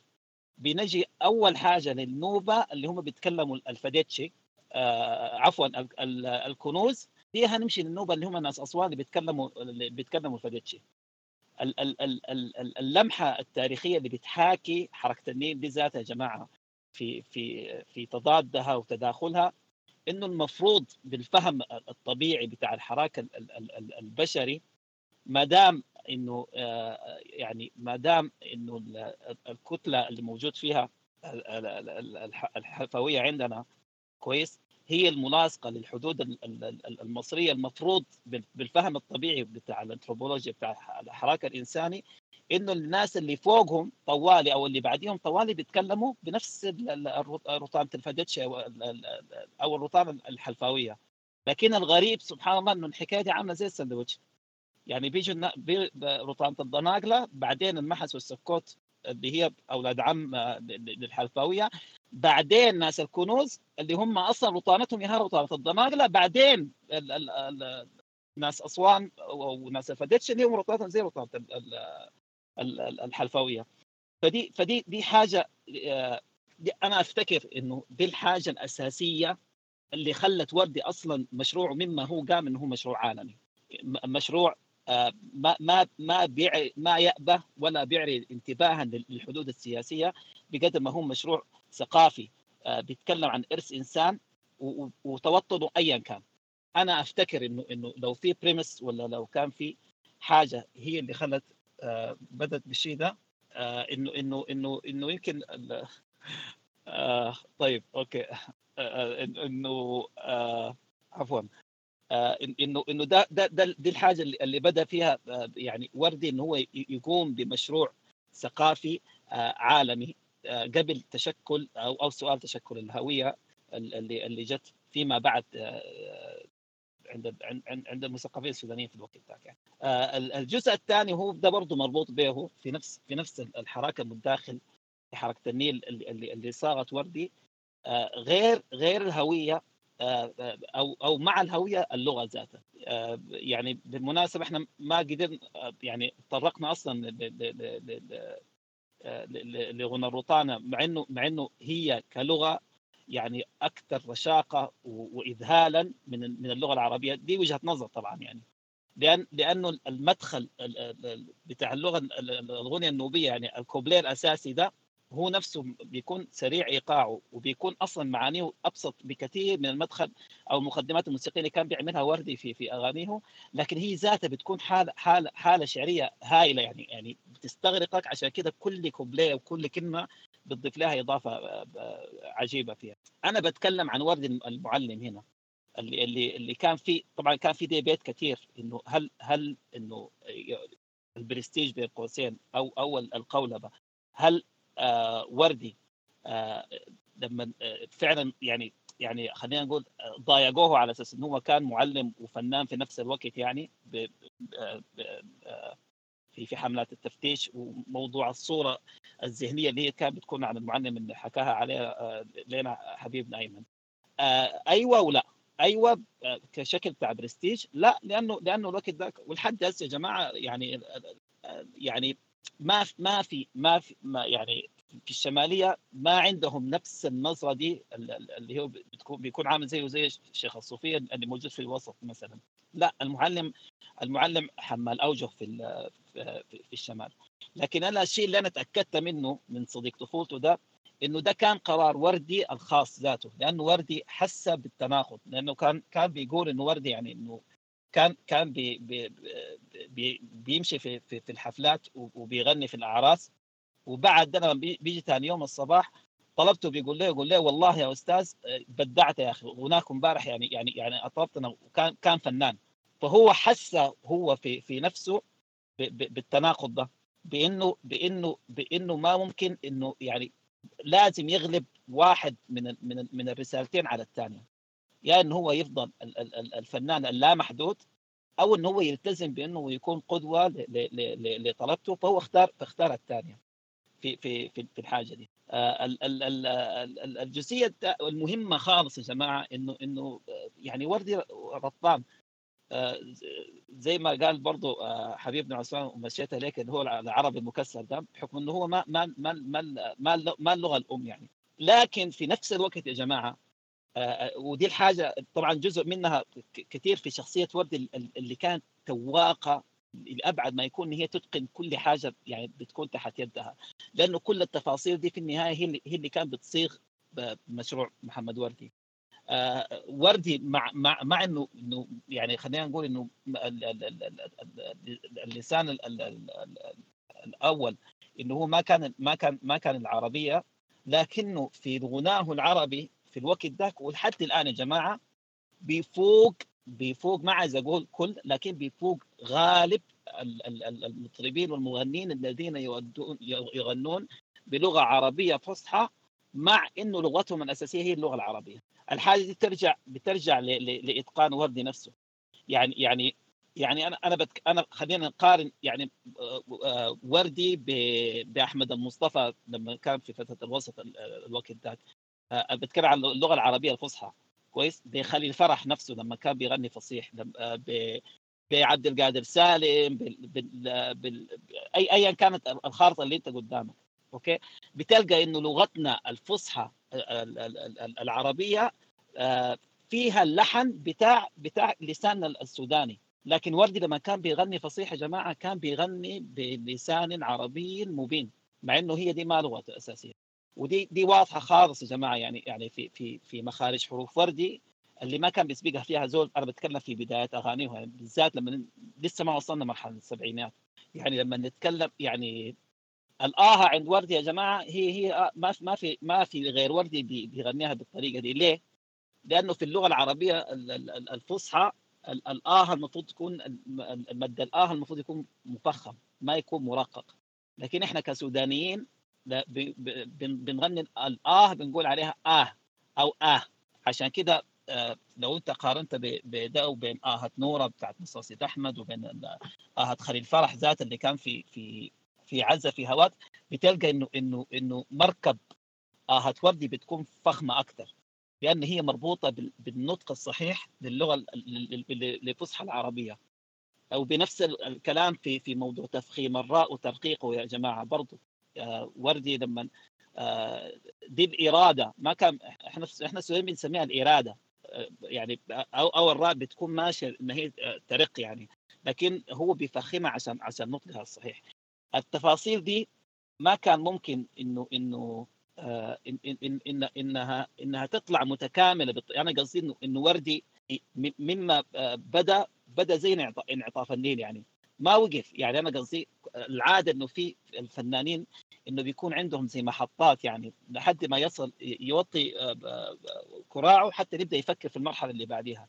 لكن وردي كان كان متكامل وكان مشغول بنفسه من من من من بداياته من من نقطة استهلاله آه، اللي إحنا اللي كنا بنتكلم عنها ولسه حنتكلم عنها إن شاء الله. وشكرا واسف على الإطالة.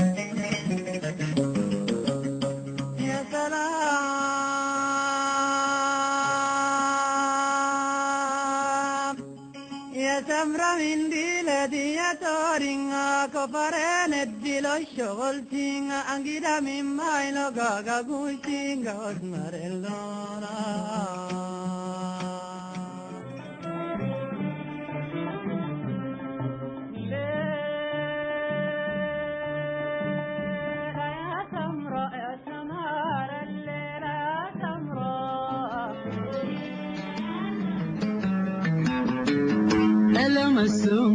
يا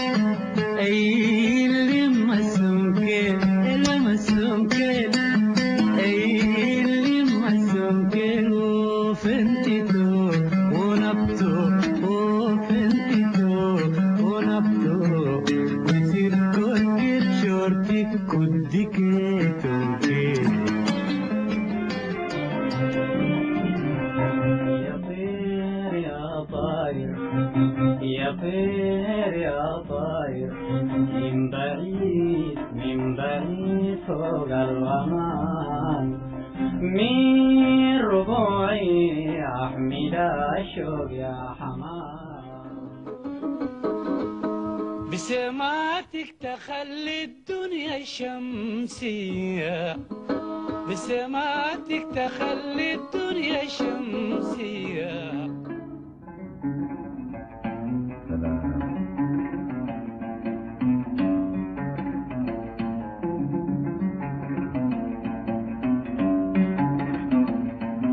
الله ليلي شنت اشبه بلد انه في بطن المطامير أنا حالي ضايع أنا حالي